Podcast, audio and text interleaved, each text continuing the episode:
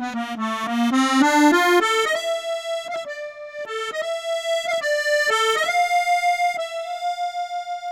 dobry. Bonjour. Ja nazywam się Kara Becker, a to kolejny odcinek Kronik Paryskich, w których wspólnie odkrywamy kolejne historie miasta świata. Dzisiaj muzy wielkich artystów.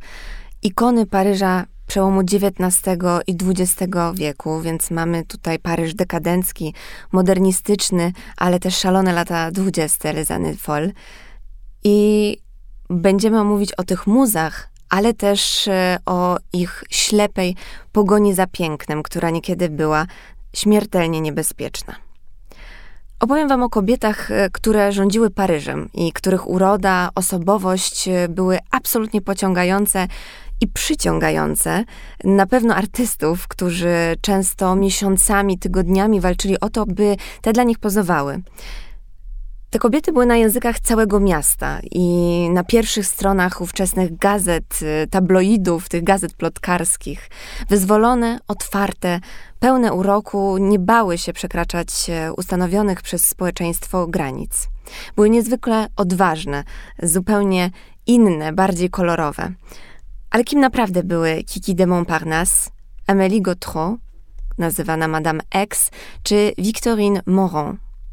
I które z nich kąpały się w albo nacierały powieki rtęcią? Nie mówiąc już o tym, co wkraplały sobie do oczu, by te były, no cóż, po prostu piękniejsze.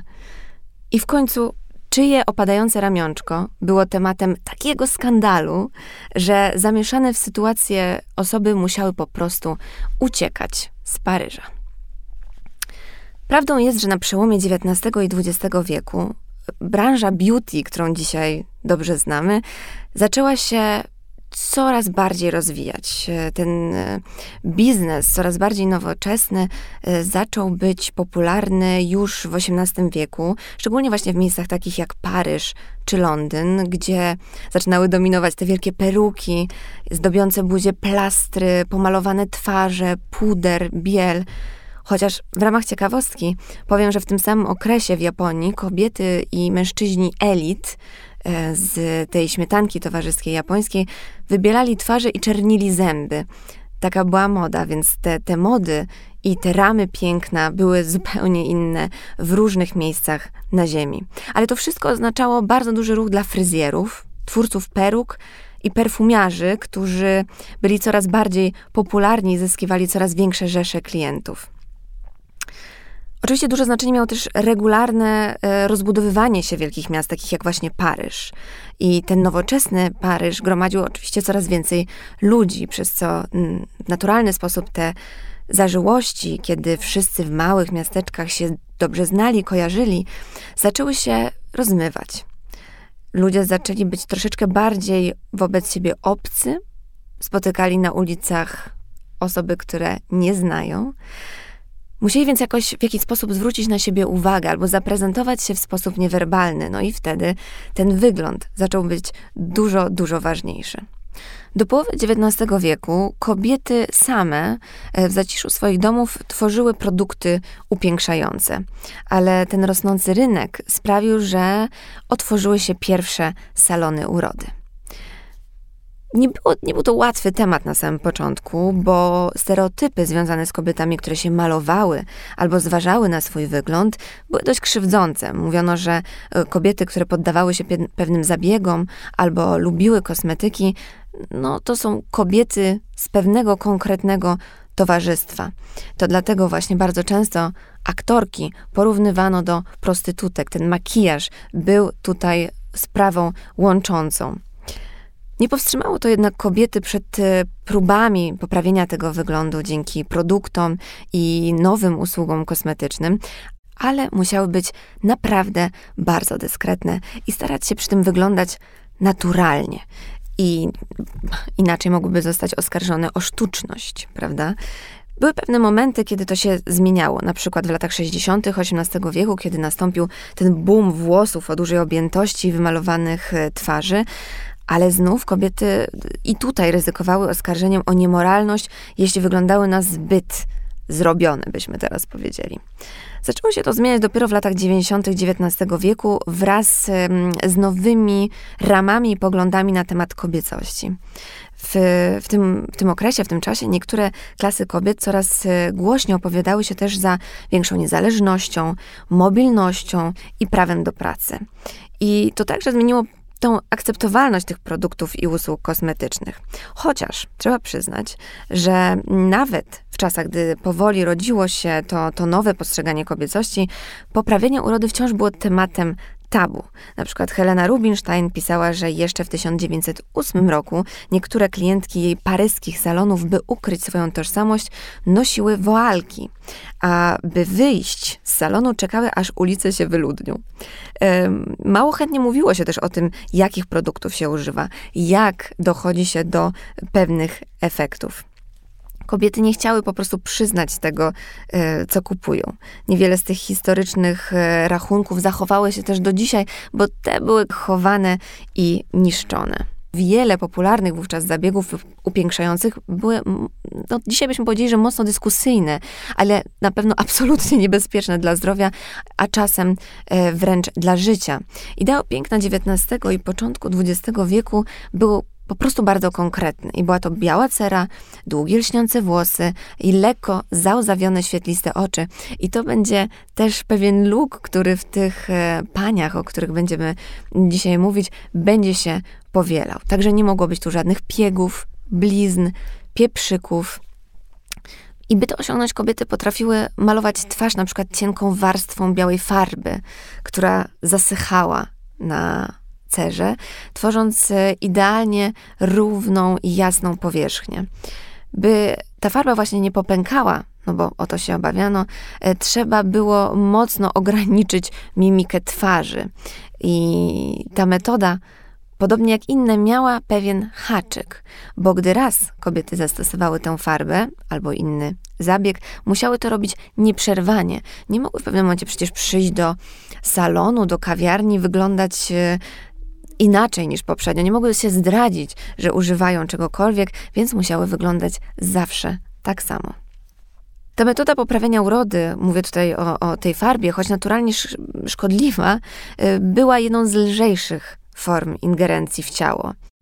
Bo by uzyskać idealną biel skóry, kobiety potrafiły kąpać się w niszczącym czerwone krwinki arszeniku, który sprawiał, że cera była dosłownie przezroczysta. Nie były to tylko kąpiele, ale też e, bardzo często codziennie myły twarz taką wodą z arszenikiem, która rzeczywiście miała niesamowite e, efekty wybielające. Była niezawodna do rozjaśniania piegów i przebarwień, podobnie zresztą jak rtęć, które na przykład wklepywano sobie w powieki. Za atrakcyjne i uwodzicielskie uznawano też rozszerzone źrenice, albo właśnie taki efekt załzawionych oczu, e, jak z obrazów największych twórców. I taki efekt można było osiągnąć stosując krople z wilczej jagody, które w, komercyjnie nazywane były wówczas kroplami belladonna, czyli z włoskiego piękna dama, więc i tutaj marketing e, szalenie dobrze działał, bo jeżeli piękna dama chciała być piękna, to te krople belladonna służyły jej do, do tego. Problem w tym, że te krople z wilczej jagody blokowały receptory w mięśniach oka, e, odpowiedzialne za za to, by właśnie ten rozmiar źrenicy się poruszał, także one były po prostu zawsze duże e, i szerokie, ale niestety długie jej stosowanie groziło ślepotą. I tak się zastanawiałam, czy kobiety tamtych czasów zdawały sobie sprawę z tego, że zabiegi, którym się poddają, trując w zasadzie swoje ciało, by wyglądało w sposób, który nakazuje im moda, czy zdawały sobie sprawę z tego, że, że się krzywdzą. I dotarłam do takiej, do, tej, do takiej informacji, że w XIX-wiecznej Francji, ale też Wielkiej Brytanii lekarze i autorzy porad często krytykowali pewne produkty kosmetyczne. E, także wiele kobiet e, z pewnością miało pewien pewną wizję tego, że to rzeczywiście może być dla nich e, krzywdzące, szczególnie jeśli mówimy o kosmetykach, które zawierały w sobie rtęć czy arszenik. Niektóre jednak ryzykowały, kupowały te nowoczesne kosmetyki, e, mając nadzieję, że mm, te nie będą zawierać za dużo tych elementów trujących. Miały nadzieję, że będzie to, jeżeli będzie to jedynie kropla tego arszeniku czy rtęci, e, będzie to mniej szkodliwe. Ale w latach 60. XIX wieku czytelniczki mm, pewnego pisma popularnego dla kobiet wysyłały listy po to, żeby zapytać inne konsumentki produktów, czy mają takie same problemy ze zdrowiem po stosowaniu pewnych produktów. I w niektórych przypadkach kobiety opisywały te skutki uboczne, na przykład tak, jako luźne zęby, wypadanie włosów, co oznaczało właśnie zatrucie rtęcią, i pytały, czy inne czytelniczki miały podobne doświadczenie. To właśnie sugeruje, że kobiety były świadome niebezpieczeństw e, związanych z tymi kosmetykami, ale były skłonne podejmować ryzyko, aby spełnić te ówczesne standardy piękna. I te na pewno próbowała spełnić Kiki de Montparnasse. Absolutna ikona Paryża, królowa Montparnassu, jak była nazywana, o której Hemingway pisał, że zdominowała erę Montparnasu bardziej niż królowa Wiktoria epokę wiktoriańską. Ale zanim to się wydarzyło, była po prostu Alice Prin, urodzoną w Châtillon-sur-Seine, krnąbrną dziewczynką, która od najmłodszych lat pomagała matce y, i pracowała, by pomóc jej w um, utrzymaniu się i utrzymaniu domu. Nie, nie była najlepsza w utrzymywaniu tych posad, szczerze mówiąc, bo zatrudniła się w piekarni, na przykład, którą ją zwolniono, gdy jako dziewczynka, miała dosłownie 12 lat, e, przyszła do pracy umalowana. Piekarzowa nazwała ją dziwką, za co Alice uderzyła ją w twarz. Także Kiki już e, bardzo wcześnie zrozumiała, że ten makijaż może być e, kwestią dyskusyjną i że będzie mogła mieć z tego względu w życiu już później dorosłym pewne problemy. A trzeba przyznać, że Kiki de Montparnasse ze wszystkich trzech kobiet, które dzisiaj, o których dzisiaj wam opowiem, urodziła się najpóźniej, więc e, można by było pomyśleć, że poprzednie e, kobiety, które były tymi ikonami Paryża i które też e, z tą urodą potrafiły w jakiś tam sposób się bawić, przetarły te szlaki, ale nie. Tutaj i e, Kiki w latach dwudziestych XX mm, wieku i w Les Années miała podobne problemy. Od dziecka była osobą niezwykle odważną i wyzwoloną, więc by znaleźć inne źródło utrzymania po tym, jak z tej piekarni została wyrzucona, w wieku 14 lat zwróciła się do rzeźbiarza, który zgodził się, by ta pozowała dla niego nago. Gdy dowiedziała się o tym jej matka, wyrzuciła ją z domu. Powiedziała po prostu nie pod moim dachem. Ale to był jedynie początek wielkiej kariery e, dziewczyny, którą cały Paryż będzie niedługo znał pod pseudonimem Kiki. Jednym z pierwszych artystów, które mm, Kiki poznaje w Paryżu, to polski malarz Maurycy Mędrzycki, z którym później będzie związana przez dwa lata. I to on wymyślił dla niej ten słynny artystyczny pseudonim Kiki. W ten sposób Alice zyskała przydomek Aliki, czyli inspiracją była grecka wersja jej imienia, i z tego powstała później Kiki. Dzięki związkowi z Mędrzyskim Kiki zaczęła obracać się w towarzystwie artystów. I malarz zaczął przedstawiać ją swoim kolegom po fachu, w tym Japończykowi Suguharu Fujicie, który namalował jej akt. Widzimy Kiki leżącą nago na łożu, upozowaną jako Olimpia Maneta. Do tego wrócimy jeszcze, bo to też jest niezwykła historia, ale tutaj na razie zostaniemy przy tym. Akt Kiki de Montparnasse. Artysta wystawił obraz na jednym z jesiennych salonów sztuki i niespodziewanie zyskał wielki poklask i jego praca została sprzedana za 8 tysięcy franków. To jest niewyobrażalna kwota, szczególnie dla tego artysty, który wcześniej zazwyczaj dostawał jedynie marny procent tej sumy. Także zastanawiając się, co przyczyniło się do jego sukcesu, stwierdził, że musiała być to Kiki. Wtedy po Paryżu rozniosła się wieść, że komercyjny sukces artysty zapewniła nowa, oryginalna modelka, która obcięta na krótko, dzisiaj nazwalibyśmy to French Bob, ale właśnie y, tak obcięta była Kiki de Montparnasse, grzywka, krótkie czarne włosy, mocno podkreślone czarną kredką oczy i tak jak mówiłam, makijaż bardzo lubiła, była niezwykle oryginalna, więc ta wieść po Paryżu się bardzo szybko rozeszła. Japoński malarz, wierząc w to, że Kiki była też matką tego sukcesu, podzielił się z nią honorarium, ale ta, co potem się okaże, e, będzie dla niej stałym punktem programu, wydała je w ciągu kilku dni na stroje, oczywiście te najbardziej ekstrawaganckie, by jeszcze mocniej wyróżnić się na paryskich ulicach, na wykwintne potrawy oraz trunki, bo za kołnierz nie wylewała. Nie przelewało jej się w dzieciństwie, więc w dorosłym życiu chciała sobie te trudności odbić. Jednak do końca życia nie nauczyła się gospodarować za dobrze budżetem domowym i nawet gdy była naprawdę znakomicie wynagradzana, absolutnie nie umiała oszczędzać. Więc wydawała wszystko naraz, a potem żyła na kredyt lub na koszt znajomych, e, no, którzy byli od niej lekko bardziej e, zamożni. Zresztą powiedziała kiedyś takie słynne słowa, że do życia wystarczy jej czerwone wino, kawałek chleba i cebula. Także może tych wymagań wcale nie miała najwyższych. Zawsze była duszą towarzystwa. W restauracjach i kawiarniach e, wchodziła na stoły, na których tańczyła, śpiewała. Goście tych e, kawiarni i restauracji wspominali, że mm, nie lubiła nosić bielizny, zresztą też o tym pisała, że uważała zakup bielizny za niepotrzebny wydatek, e, więc osoby będące w tych miejscach, lokalach, e, gdzie Kiki lubiła występować, zwracać na ciebie uwagę, no bo przecież nie tylko była modelką, później też e, śpiewała, marzyła o karierze aktorskiej, mogli zobaczyć no w zasadzie wszystko, co chowała pod spódnicą. Kiki zupełnie nie zniechęcała się, gdy wyrzucano ją za drzwi, gdy właściciele restauracji e, wyrzucali ją, bo omyłkowo brali ją za prostytutkę.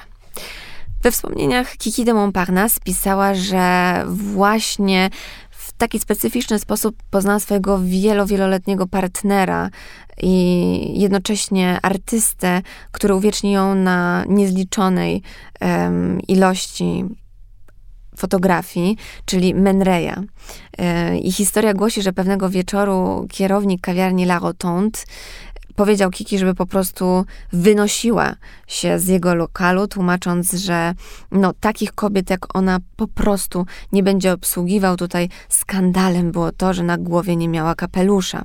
Więc y, modelka, oczywiście bardzo charakterna, która głośno mówiła o tym, kiedy jej się coś nie podobało, wdała się w słowną przepychankę pełną epitetów, próbując y, przekonać właściciela La Rotonde, że wcale nie jest y, kobietą lekkich y, obyczajów, a kapelusz po prostu po drodze zgubiła. Tutaj uratowała ją z całej sytuacji znajoma, malarka i arystokratka Maria Wasiliewna, która po prostu zaprosiła ją do swojego stolika, powiedziała, że tę panią bardzo dobrze zna i by właściciel La Rotonde ją wreszcie wpuścił.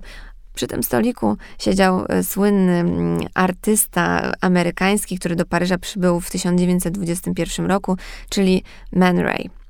I kiedy zobaczył Kiki z tą niezwykłą, alabastrową, białą y, skórą i czarnymi, kruczo czarnymi, przyciętymi na pazia włosami oraz kształtami bardzo, bardzo kobiecymi, które lubiła eksponować, kompletnie stracił dla niej głowę ale nie tylko jako mężczyzna, ale też jako artysta, więc bardzo chciał, żeby ta dla niego zapozowała. Jednak Kiki, już będąc osobą sławną w Paryżu, pozującą wielu artystom, uważała fotografię nie jako część sztuki, więc uważała, że jej osobowość, która przecież współpracuje z największymi nazwiskami, bo trzeba tutaj też powiedzieć, że przyjaźniła się wówczas ze wszystkimi, z Picasso, z Modiglianim, z każdym, o którym mowa była też w poprzednich odcinkach lat dwudziestych, znała absolutnie wszystkich i co więcej, wszyscy znali ją. Także aparat nie wydawał jej się tutaj e, godnym sposobem uchwycenia jej, e, jej wyglądu dla potomnych. Jednak Man Ray wychodził sobie ją dosłownie i tygodniami namawiał, by ta stanęła przed jego, przed jego obiektywem, mówiąc, że on maluje właśnie fotografią, maluje aparatem. Razem stworzyli najbardziej e, niesamowite obrazy, więc niesamowite fotografie, w tym słynne skrzypce Ingresa, które obecnie są najdroższą fotografią świata, którą Man Ray wykonał w 1924 roku, po, zresztą po kłótni z Kiki, co niektórzy mm, potrafią nawet dojrzeć e, w jej wzroku, e, na której plecach namalował dwie, dwa czarne otwory rezonansowe w kształcie litery F.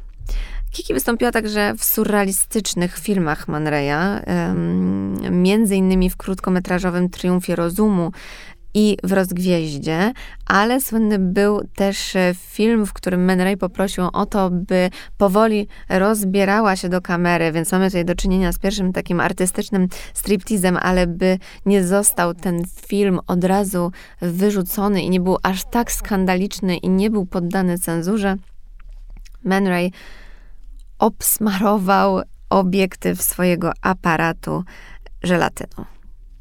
W międzyczasie Kiki pozowała na dziesiątkach obrazów e, najsłynniejszych artystów tamtych czasów, e, między innymi Sutina, e, Fujity właśnie, Żana Cocteau, Aleksandra Caldera i wielu, wielu innych tak jak wspominałam, przyjaźniła się ze wszystkimi, ale powiedziała też, e, że takie pewne słowa, które odzierają z patosu lata dwudzieste, powiedziała, że kumpluje się ze wszystkimi surrealistami i dadaistami i nie widzi między nimi absolutnie żadnej różnicy. Wszyscy są po prostu rozpieszczonymi dzieciakami, które przesiadują w paryskich kawiarniach. Rozstanie z Menrejem było dla niej trudne. Wtedy jeszcze bardziej zaczęła imprezować. W zasadzie to robiła już, e, kochała przyjęcia, e, alkohol, kochała bawić ludzi. Robiła to na scenie w niezwykły sposób, e, bawiąc się piosenką klasyczną, oryginalną francuską, dodając trochę swoje słowa, żeby, żeby ten przekaz był jeszcze bardziej pikantny.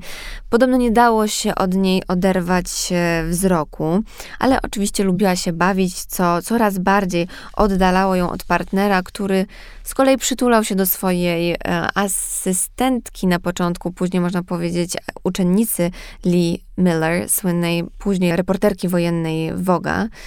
Także to rozstanie na pewno na niej zostawiło pewien ślad. Później związała się z dziennikarzem i karykaturzystą e, Henri Brocon, który zasugerował kobiecie, by jej barwne życie spisać. Uważam, że to jest gotowa, e, gotowy scenariusz na, i na film, ale na początku książkę. I Alice Kiki de Montparnasse zachwyciła się tym pomysłem, wszystko spisała i wkrótce wydała te pamiętniki zatytułowane po prostu wspomnienia modelki, które były naprawdę na ustach całego, całego Paryża, który nagłos czytał wersy zapisane w tej książce. Wstęp do książki napisał zresztą Fujita i do angielskiego tłumaczenia poprosiła, by zrobił to jej dobry przyjaciel, niezwykły pisarz, który rzadko kiedy na takie rzeczy się godził, czyli Ernest Hemingway. Także ta, to angielski, angielski przekaz jej wspomnień ruszył statkiem z Paryża do Nowego Jorku, ale pamiętniki po drugiej stronie Atlantyku wywołały niemały skandal i objęte zostały amerykańską cenzurą. Uznane zostały za obsceniczne i skonfiskowano cały nakład. Kiki próbowała później jeszcze kariery filmowej. Chciała wjechać do Nowego Jorku. Zagrała nawet w dwóch filmach, ale bez e, większych e, sukcesów. Pod koniec życia mm, zniszczyło ją uzależnienie od alkoholu i używek. E, podobno wałęsała się po kawiarniach, prosząc gości, by Wspomogli ją e, finansowo lub e, kupując jej jedzenie lub e, alkohol. Zmarła mając 52 lata w wyniku powikłań choroby alkoholowej i wskutek wyniszczenia organizmu przez narkotyki. Zmarła w nędzy i zapomniana, choć przecież na jej nagrobku na Montparnasse zresztą, bo tego miejsca królową była. Zresztą Montparnasse lat 20. to przecież było to miejsce, gdzie wszyscy chcieli być i to ona mu królowała, a niestety w historii nie zapisała się najsilniej, co też próbuję teraz e, przypominać i te kroniki odkurzać. Fujita podczas mowy pogrzebowej powiedział, że razem z Kiki zostają pochowane na zawsze najchwalebniejsze dni Montparnasse. Ale Kiki de Montparnasse nie była oczywiście pierwszą taką kobietą, o której mówił cały Paryż. I też nie pierwszą, która była powikłana w skandale i nazywana była w najbardziej niegrzeczny przez Paryżan sposób. Bo przecież Dwitusławy Kiki otworzył obraz, w którym postawiona została w roli Olimpii, ale wcześniej była osoba, która za ten sam akt miała niemałe problemy w Paryżu, czyli Victorine Moron. Słynna Paryżanka, nazywana muzą Edwarda Maneta, słynna modelka, ale nie tylko, o tym już za chwilę, ale też ciekawe jest to, że była pierwszą modelką, która otrzymała przydomek krewetka, ten przydomek, który później w latach 60. XX wieku w Londynie otrzymała Jean Shrimpton, o czym też mówiliśmy w poprzednich odcinkach, ale pierwszą modelką krewetką, pierwszą shrimp była Victorine Moron, urodzona w 1844 roku, która w zasadzie od zawsze wyróżniała się niezwykłą urodą i o, o jej wyglądzie krążyły legendy. Ten przydomek krewetka otrzymała przez swoje rude włosy i niezwykle e, jasnej karnacji, którą ponoć, jak sama otrzymywała, e, miała naturalnie. Tak się urodziła. Ponoć nie potrzebowała kąpieli w arszeniku. Jedna z osób z otoczenia Wiktorin mówiła o niej, że była jak wiele podobnych jej dziewcząt z klasy robotniczej świadoma swojej urody i nie mogąca łatwo pogodzić się z nędzą, w jakiej przyszło jej żyć. Gdy tylko nadarzyła się okazja, od razu zgodziła się pozować. Nie wiadomo dokładnie, jak poznała się z Manetem, który też otworzył jej drzwi do wielkiej kariery najpierw modelki, ale wspólnie stworzyli mnóstwo ikonicznych dzieł, jak na przykład słynne Śniadanie na trawie, które zostało wystawione w salonie w 1863 roku, później nazwane salonem odrzuconych. I to był obraz, który wywołał tak wielki skandal. Został utytułowany najgorzej przyjętym obrazem e, na, podczas całej wystawy. Wystarczy przypomnieć, że jest to obraz, w którym Wiktorin leży na trawie nago, a otaczają ją mężczyźni ubrani w garnitury i to rzeczywiście było dość mm, wówczas e, problematyczne. Na malarzu absolutnie wieszano psy, a jego modelka, której no tożsamość nie była tajemnicą, bo cały Paryż wiedział o kim mowa, miała absolutnie zszarganą opinię. Prostytutka należało do jednych z najlżejszych obelg, jakie padały pod, pod jej adresem. Obrywało się też e, z samemu płótnu, które było podobno tak gorszące, że panowie musieli walić w obraz laską. Byli absolutnie niezadowoleni, chcieliby obraz został od razu zdjęty z salonu, co się nie wydarzyło, ale śniadanie na trawie było tak naprawdę tylko taką zapowiedzią tego, co Victorine i, um, i Edward zrobią później, bo za chwilę um, też sa na salonie e, paryskim pokaże się Olimpia, czyli postać Victorine leżącej nago na łożu z, z kotem obok, z podniesionym ogonem, co też miało mieć tutaj konotację e, erotyczną.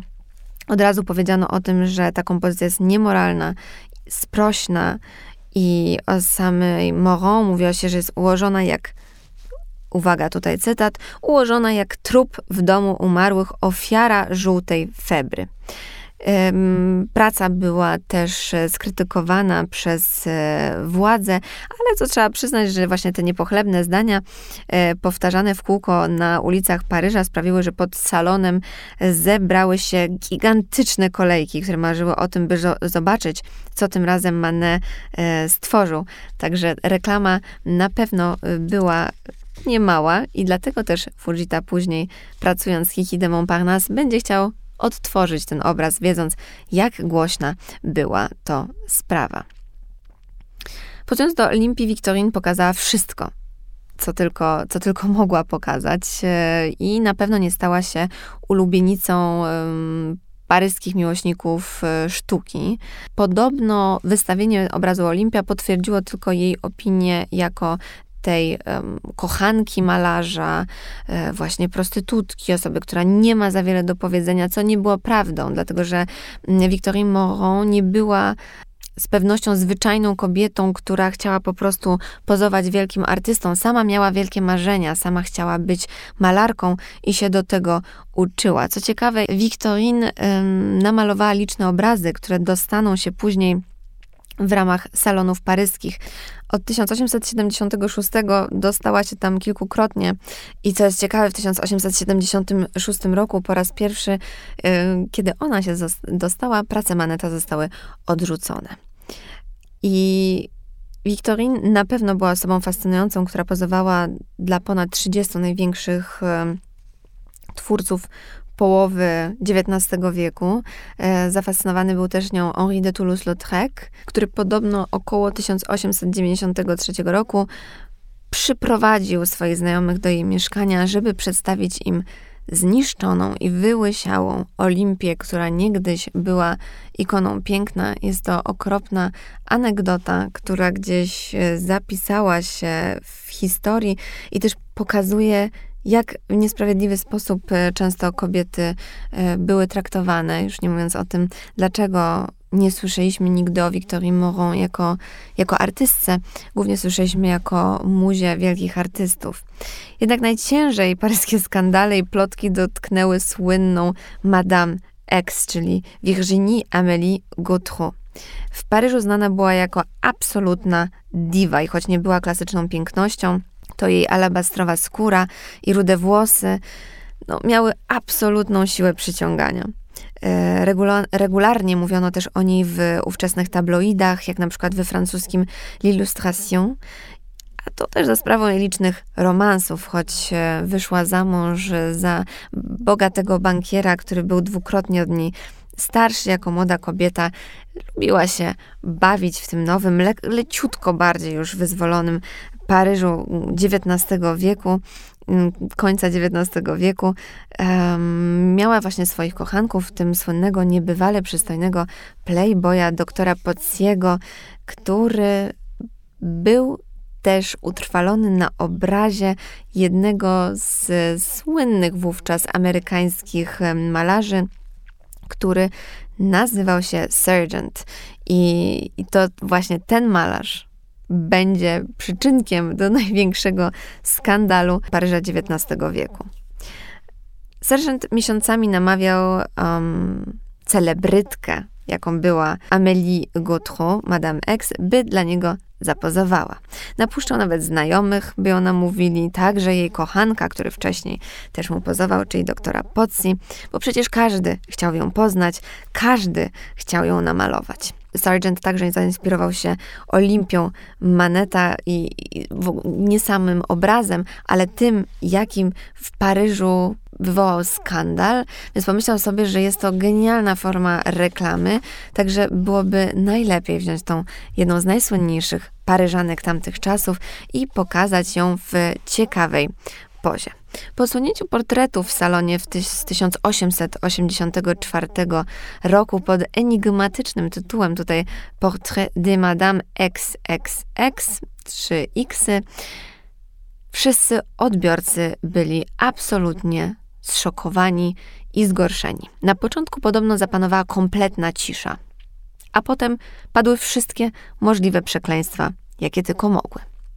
Poza postaci została uznana za niezwykle wyniosłą i seksualnie sugestywną, dekolt za zbyt głęboki, a karnacja, bo rzeczywiście e, jest na obrazie taka biało-fioletowo-sina, uznawana za nienaturalną. Um, Szczególną dezaprobatę y, wyrażano dla ozdobionego klejnotami ramionczka sukni, który delikatnie opadał z ramienia, które też było przecież mocno e, sugestywne i prowokacyjne. Później przecież Sergeant musiał, był zmuszony przemalować obraz i to ramionczko wróciło na swoje miejsce, ale na początku, podczas salonu 84 roku, widzowie mogli obejrzeć ten najbardziej zmysłowy pokaz. I tutaj muszę zaznaczyć, że przecież Amelie e, miała na sobie suknię, miała czarną kreację z głębokim dekoltem. Oczywiście to ramionczko opadało, ale przecież to nie było aż tak sugestywne jak naga Victorine. Która pozowała wcześniej niż ona. Dlaczego więc wszystkich tak bardzo to zszokowało? A mianowicie to, że um, Madame X, jak później ją nazywano, była częścią śmietanki towarzyskiej nie była kobietą lekkich obyczajów. Nie można było jej powiedzieć prosto w noc, że jest prostytutką, bo była kobietą, Amerykanką, która przyjechała do Paryża jako młoda dziewczyna. Miała pewne zaplecze i jeśli chodzi o wykształcenie i finansowe. Bywała tam, gdzie bywać trzeba, znała tych, których trzeba znać. Więc to zszokowało ludzi bardziej niż kto, gdyby Sergeant pokazał na swoim obrazie przypadkową modelkę. Matka Godreau skarżyła się, że moja córka jest stracona. Cały Paryż z niej drwi. Podobno groziła nawet pojedynkiem w obronie honoru córki, jednak nie było komu stanąć przeciwko malarzowi, dlatego że oburzony mąż, Madame X, odmówił zakupu, odmówił e, brania udziału w tej farsie. Ten kolor skóry też jest taki ciekawy, o którym wspominałam, który jest e, niebieskawy, trupi, jak nazywali go widzowie i krytycy sztuki. Miał być komentowany, że wygląda jak rozkładające się zwłoki, ale artysta podkreślił, że celebrytka używała pudru z chlorkiem potasu i arszeniku, który właśnie nadał jej tego jasnego, lawendowego odcienia. Niektóre opisy sugerują, że Madame X musiała uciekać z kraju, że ten skandal był tak gigantyczny, że została absolutnie skreślona. Dzisiaj byśmy powiedzieli, że miało miejsce czyn z zakresu cancel culture i rzeczywiście Madame X musiała się na jakiś czas schować. Nie jesteśmy tego pewni, ale faktem jest, że sam Sergeant, malarz, ruszył do Londynu, by tam od nowa budować swoją karierę. Niektórzy twierdzą, że Godreau nigdy więcej nie pojawiła się w towarzystwie i zniknęła bez słowa.